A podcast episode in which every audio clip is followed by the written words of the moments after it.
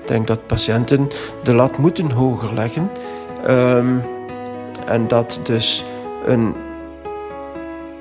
normaal leven, dat mag het doel zijn. Leren leven met een chronische ziekte, dat betekent dat je leven fundamenteel verandert. Het betekent een kruis door bepaalde activiteiten. Het is een uitdaging, elke dag. De patiënten die getuigen in deze podcast leven met een reumatische ontstekingsziekte. Ze doen er alles aan om het beste leven te leiden dat mogelijk is, ondanks hun ziekte. Alles om het doel te bereiken dat remissie heet. Alles om een normaal leven te leiden, simpel gezegd. Ze leggen uit hoe hun ziekte hun leven verandert en hoe ze de dagelijkse beproevingen doorstaan. Ze vertellen over hun diepste wensen en hun hoop voor de toekomst. Samen praten we erover.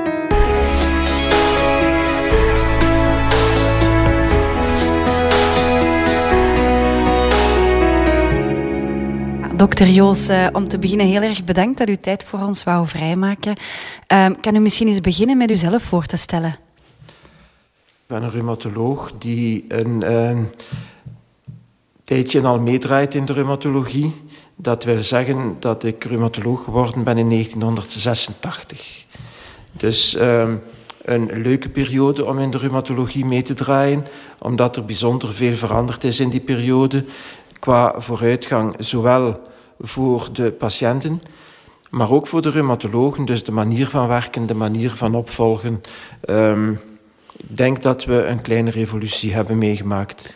Misschien uh, om te beginnen, voor de mensen die de aandoening nog niet zo goed kennen, wat is reuma precies? Uh, of wat is een reumatische ontstekingsziekte?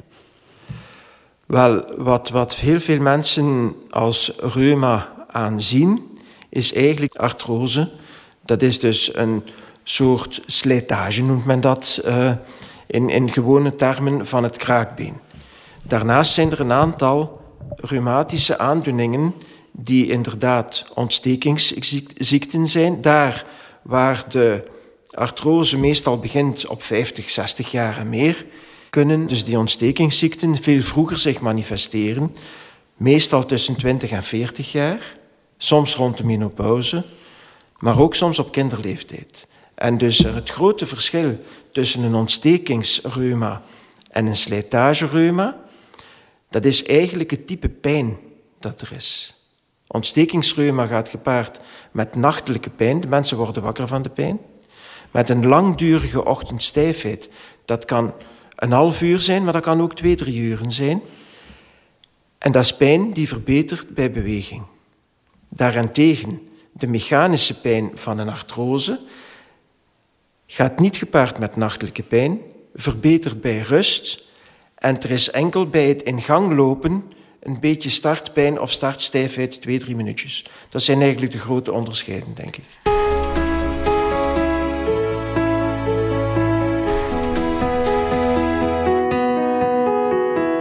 Het probleem bij die aandoeningen is dat ze meestal heel geleidelijk aan beginnen. En um, dat je dus al een tijdje geconfronteerd wordt met heel vage klachten. Van een beetje pijn in de vingers of een beetje pijn in de rug. Meestal is het heel geleidelijk aan en denk ik dat door erover te spreken met andere mensen of met je huisarts of, of met uh, mensen die je kent, kinesitherapeuten die, die min of meer professioneel geschoold zijn, uh, verpleging, wie dan ook, die gaan meestal die patiënten gaan zeggen van laat het toch maar eens nakijken. Nu, in onze podcast hebben we vier patiënten met vier verschillende types uh, ontstekingsaandoeningen. Uh, om te beginnen zijn er Jeff en Karen. Die hebben reumatische artritis. Uh, ja, wat kan je daarover vertellen? Want de, de aandoeningen zijn allemaal wel een beetje verschillend, hè? De aandoeningen zijn zeker verschillend. Specifiek reumatoïde artritis zal zijn voorkeur hebben voor de kleine gewrichten, van de handen en de voeten.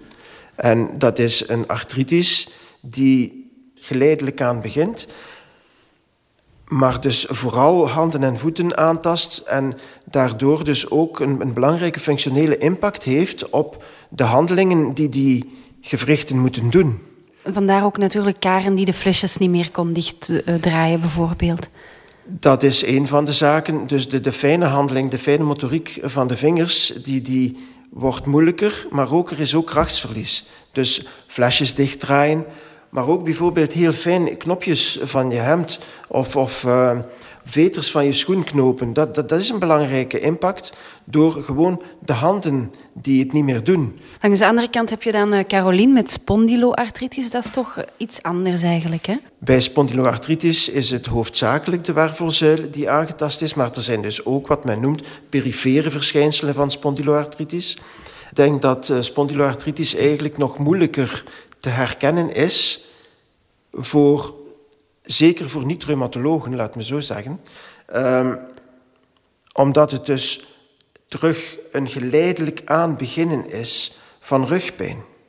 Op relatief jonge leeftijd en waarbij dat niet iedereen alert is dat die rugpijn iets inflammatoire, dus van ontstekingsoorsprong kan zijn.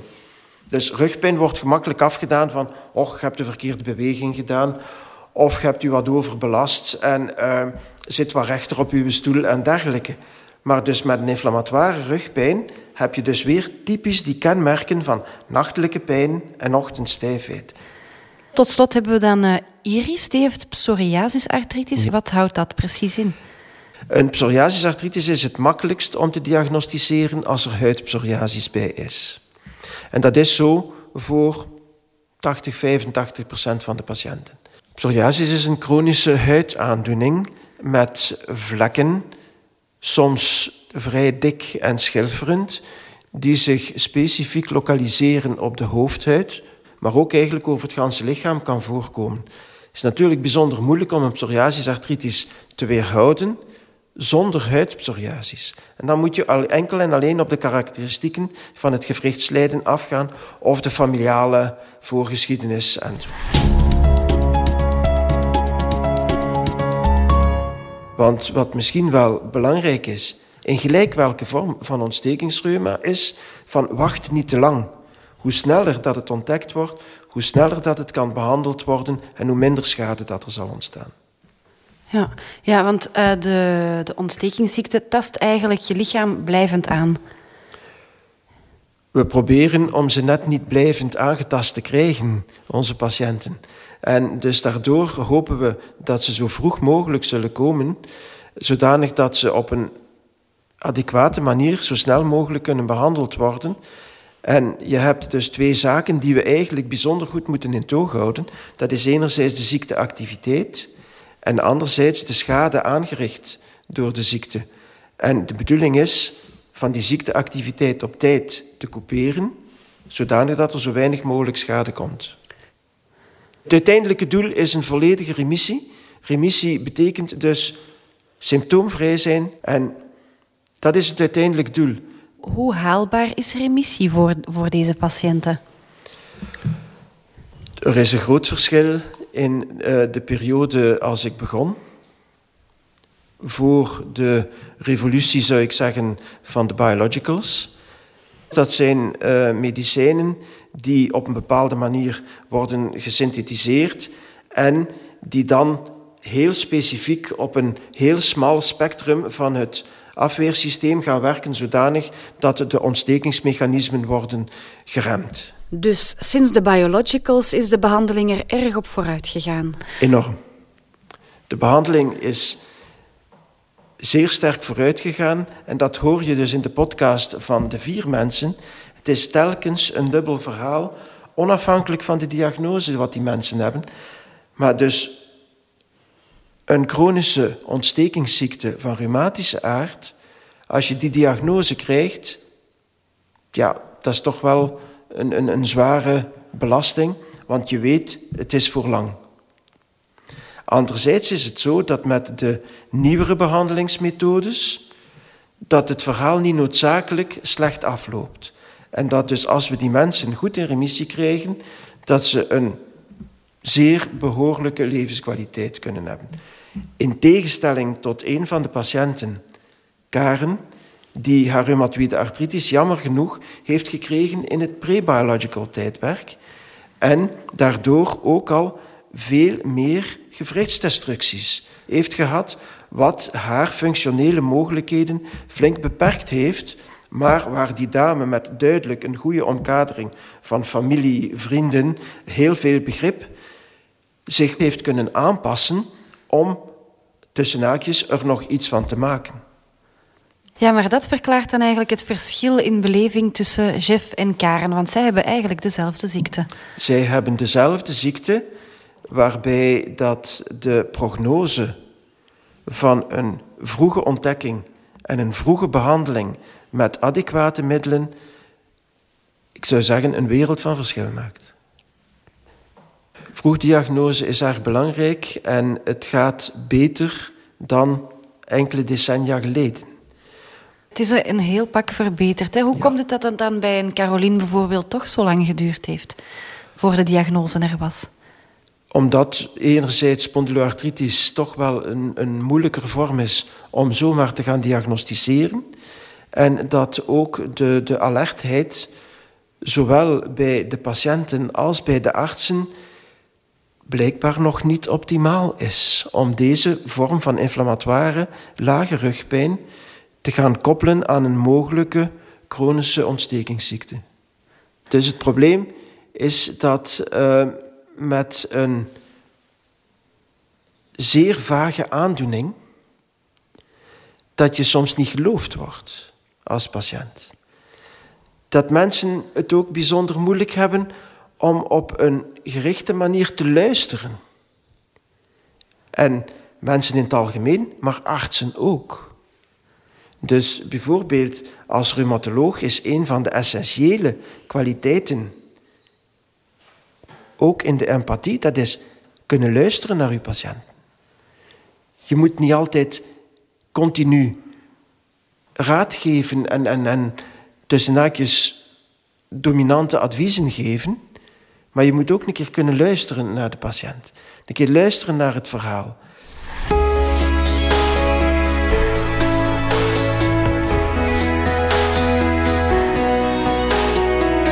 Ja, misschien kunnen we het dan ook eens hebben over het belang van de werksituatie bij de patiënt. Uh, we zien bijvoorbeeld bij Chef dat dat toch wel ja, een heikel punt was eigenlijk. Ja, dat is een heikel punt. En uh, je hoort aan het verhaal van Chef dat hij in het begin heel veel schrik had van de impact van de reuma. Ook waarschijnlijk omdat hij dat zelf gezien heeft bij een aantal van zijn patiënten. En dat hij nadien o zo gelukkig is met zijn nieuwe status van reumatoïde artritis patiënt in remissie. Ja, dus... Jeff is dan kunnen blijven werken, maar dat is niet voor iedereen uh, het geval. Hè. Karen bijvoorbeeld, voor haar was het een heel emotioneel Ja, dus het is, uh, het is een bijzonder zwaar moment. Dus Karen is op vervroegd pensioen gezet, als ik me niet vergis, op uh, 5, 46-jarige leeftijd. En um, eigenlijk ook compleet tegen haar zin. Dus ze voelde zich uitgerangeerd. En dan zie je dat daar dus de artsen die moeten oordelen over haar werkmogelijkheden, over haar invaliditeit, daar ofwel geen mogelijkheden zagen, maar zeker geen empathie hebben getoond. En dus dat komt keihard en ijskoud over, dat je dus opzij geschoven wordt. En toch hoor je in het verhaal van Karen van, en ik ga mij niet laten doen. Ik ga toch nog iets maken van mijn leven. En dat is dus die volhardendheid bij de mensen die zeggen van, in mijn situatie maak ik er het beste van. Caroline daarentegen is moeten veranderen van job. Anderen kunnen een oorspronkelijke job houden. Blijven werken is zeker voor steeds meer mensen mogelijk. En dus er zijn initiatieven geweest vanuit de patiëntenverenigingen om dus patiënten die langdurig uit het arbeidscircuit zijn, om die terug stilletjes aan te integreren met reumacoaches, met jobcoaching. Dat zijn dan de zwaardere patiënten die stilletjes aan terug ook, ik zou bijna zeggen, hun eigen waarde terugvinden door te presteren in een professioneel circuit. Ja, zoals eigenlijk Caroline is kunnen bezig blijven. Correct. Uh, Iris en Jeff ook eigenlijk, hè? Correct, ja. ja.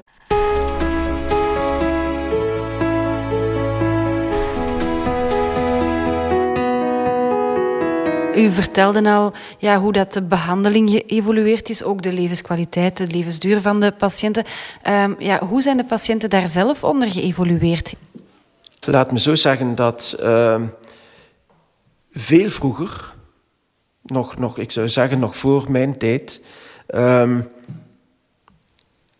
reuma was iets langdurig. Je moest er mee leren leven en dat was het. En dus hoe meer dat de impact van de reuma daar was, hoe lager dat je je ambities moest bijstellen.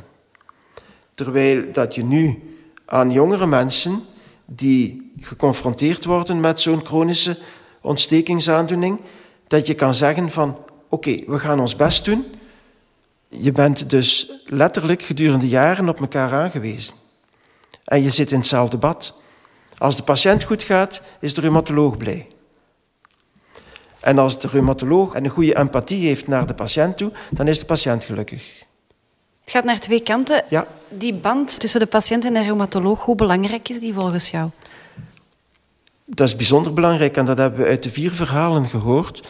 De patiënten met psoriasisartritis, Iris, had op een gegeven moment niet zo'n goed contact met haar eerste reumatoloog en is dan overgestapt naar een andere reumatoloog. Ik denk dat het zeer, zeer individueel is. Of dat er dus empathie is tussen de patiënt en de reumatoloog. En je voelt dat ook. Je voelt dat ook. Ik kan u zeggen, na één of twee raadplegingen weet ik als reumatoloog of dat het klikt met de patiënt. En vermoedelijk weet de patiënt dat ook na één of twee raadplegingen, of dat het klikt met, met zijn of haar reumatoloog. Dus ja, empathie komt van de twee kanten. Hè.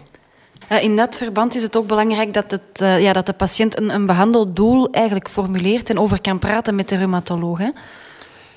Ja, ik denk dat wel. Ik denk dat uh, hoe beter een patiënt geïnformeerd is, hoe realistischer dat haar of zijn verwachtingen kunnen zijn. En uh, het kan soms zijn dat het behandeldoel de realiteit overschiet. Maar het kan ook soms zijn dat het behandeldoel te laag is. En dat is natuurlijk een gemeenschappelijke weg die de patiënt met de reumatoloog moet afleggen. Als we kijken naar het verhaal van Iris, wat dacht u toen u ja, haar behandeldoelen hoorde? Wat essentieel is voor Iris, is zwanger worden. De zwangerschapswens. En natuurlijk, als je dan het antwoord hoort van de eerste reumatoloog van zoekt u maar een keer een goed moment. Ja, dat wil zeggen dat je misschien dat wel goed bedoelt als reumatoloog. En dat wil zeggen van, waarschijnlijk bedoelde die collega, bekijk het eens als je wat beter bent. Maar dat is natuurlijk niet de onmiddellijke ambitie die Iris had. Iris wou een verhaal horen van, word maar zwanger als je het wil. En hoe gaan we daar naartoe werken, ook samen eigenlijk? Hè? Ja, ja, maar ik denk dat ook dat de reumatoloog zich perfect kan aanpassen aan de, aan de wensen van de patiënt. Dus bijvoorbeeld zwangerschapswens, bijvoorbeeld borstvoeding, wat dan ook. Daar kan de reumatoloog daarin meegaan, gaan begeleiden, gaan zeggen van dat is mogelijk, dat is niet mogelijk. Bij zwangerschap zijn er een aantal middelen die kunnen doorgenomen worden. Bij borstvoeding idem. Maar zijn er ook een aantal middelen die niet kunnen doorgenomen worden. Ik zeg maar de gewone ontstekingsremmers bijvoorbeeld. Die zijn tegen aangewezen. Dus het is belangrijk dat de patiënt zijn of haar ambities goed bespreekt en dat de reumatoloog ook daar voldoende kennis van heeft. Ja, u zei het al, de behandelingsmogelijkheden zijn de laatste jaren enorm toegenomen. Uh, mogen patiënten dan ook de lat wel wat hoger leggen deze dagen? Ik denk dat wel. Ik denk dat patiënten de lat moeten hoger leggen. Um, en dat dus een normaal leven, dat mag het doel zijn. Dat mag het doel zijn denk dat met de huidige therapiemogelijkheden patiënten kunnen blijven hopen in alle omstandigheden.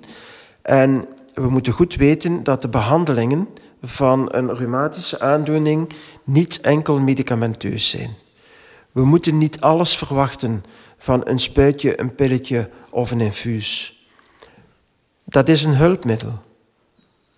Zoals ook de niet-medicamenteuze behandelingen hulpmiddelen zijn. Enerzijds bijvoorbeeld goed schoeisel, steunzolen, eventueel bandages. Anderzijds kinesiotherapie met mobilisatieoefeningen, maar zeker ook spierversterking en conditieoefeningen. Ja, maar ja, langs de andere kant is er die pijn. Waarschijnlijk worden uh, patiënten ook wel afgeschrikt om te sporten. Pijn is het hoofdsymptoom van alle reumatische aandoeningen. Ik heb nog niemand gehad die binnengekomen is van dokter, ik kom nu bij u omdat ik geen pijn heb. Dus die pijn zal zeker een rol spelen, maar bij de inflammatoire pijn is het net de beweging die de pijn doet verminderen. Dus je kan gerust zeggen dat heel wat patiënten met ontstekingsaandoeningen, dat die baat hebben bij bewegen, dat die baat hebben bij sport. Het hoeft niet altijd topsport te zijn. Maar gewoon bewegen kan ook heel veel bijdragen aan de algemene conditie en het algemeen welbevinden. Anderzijds zal er op een gegeven moment ook wel een beperking komen van mechanische pijn. Mechanische pijn die dan de patiënt gaat beletten om langere afstanden te gaan lopen, om langere afstanden te fietsen of om hevige inspanningen te gaan leveren, bijvoorbeeld bij balsporten of zo. Ja, het is eigenlijk een kwestie van de juiste balans te vinden. Ja, dat is eigenlijk een mooi woord, de juiste balans vinden. De juiste balans vinden tussen je fysieke mogelijkheden en je belasting. En eigenlijk ook tussen je ambities en je mogelijkheden.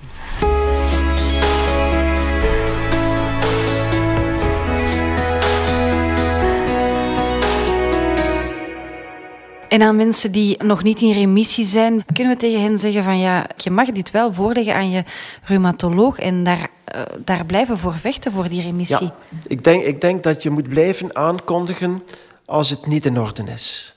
En er zijn momenteel toch flink wat mogelijkheden om eventueel te switchen van één therapie naar een andere. Het is een verhaal van hoop en ik zou zeggen, jaarlijks zijn er ook nieuwe mogelijkheden qua werkingsmechanismen. Dus de, de, de research die, die vliegt, vliegt in vergelijking met jaren terug. Dus dat, dat rad is aan het draaien en dat draait altijd maar sneller en sneller en sneller. Met producten die enorm actief zijn. Dus die, die verhouding van efficiëntie en verdragen van, van de behandeling is zoveel beter en dat draagt ook bij aan de levenskwaliteit van de patiënten. Jeff die zei ook van, um, dat het, hij het belangrijk vond om regelmatig terug te keren naar zijn reumatoloog uh, om de behandeling te bespreken of als het een beetje minder ging. Ja, die ondernam echt zelf die stap telkens. Hè? Ja, Jeff is een van de, ik zou zeggen, de ideale patiënten die door zijn grote kennis van de aandoening zelf stappen kan zetten die andere mensen niet spontaan zullen zetten. En dus hoe beter je geïnformeerd bent als patiënt, hoe sneller dat je de juiste stappen zal zetten en hoe makkelijker het uiteindelijk zal worden om je te behandelen. Dus informatie naar patiënten toe is en blijft essentieel.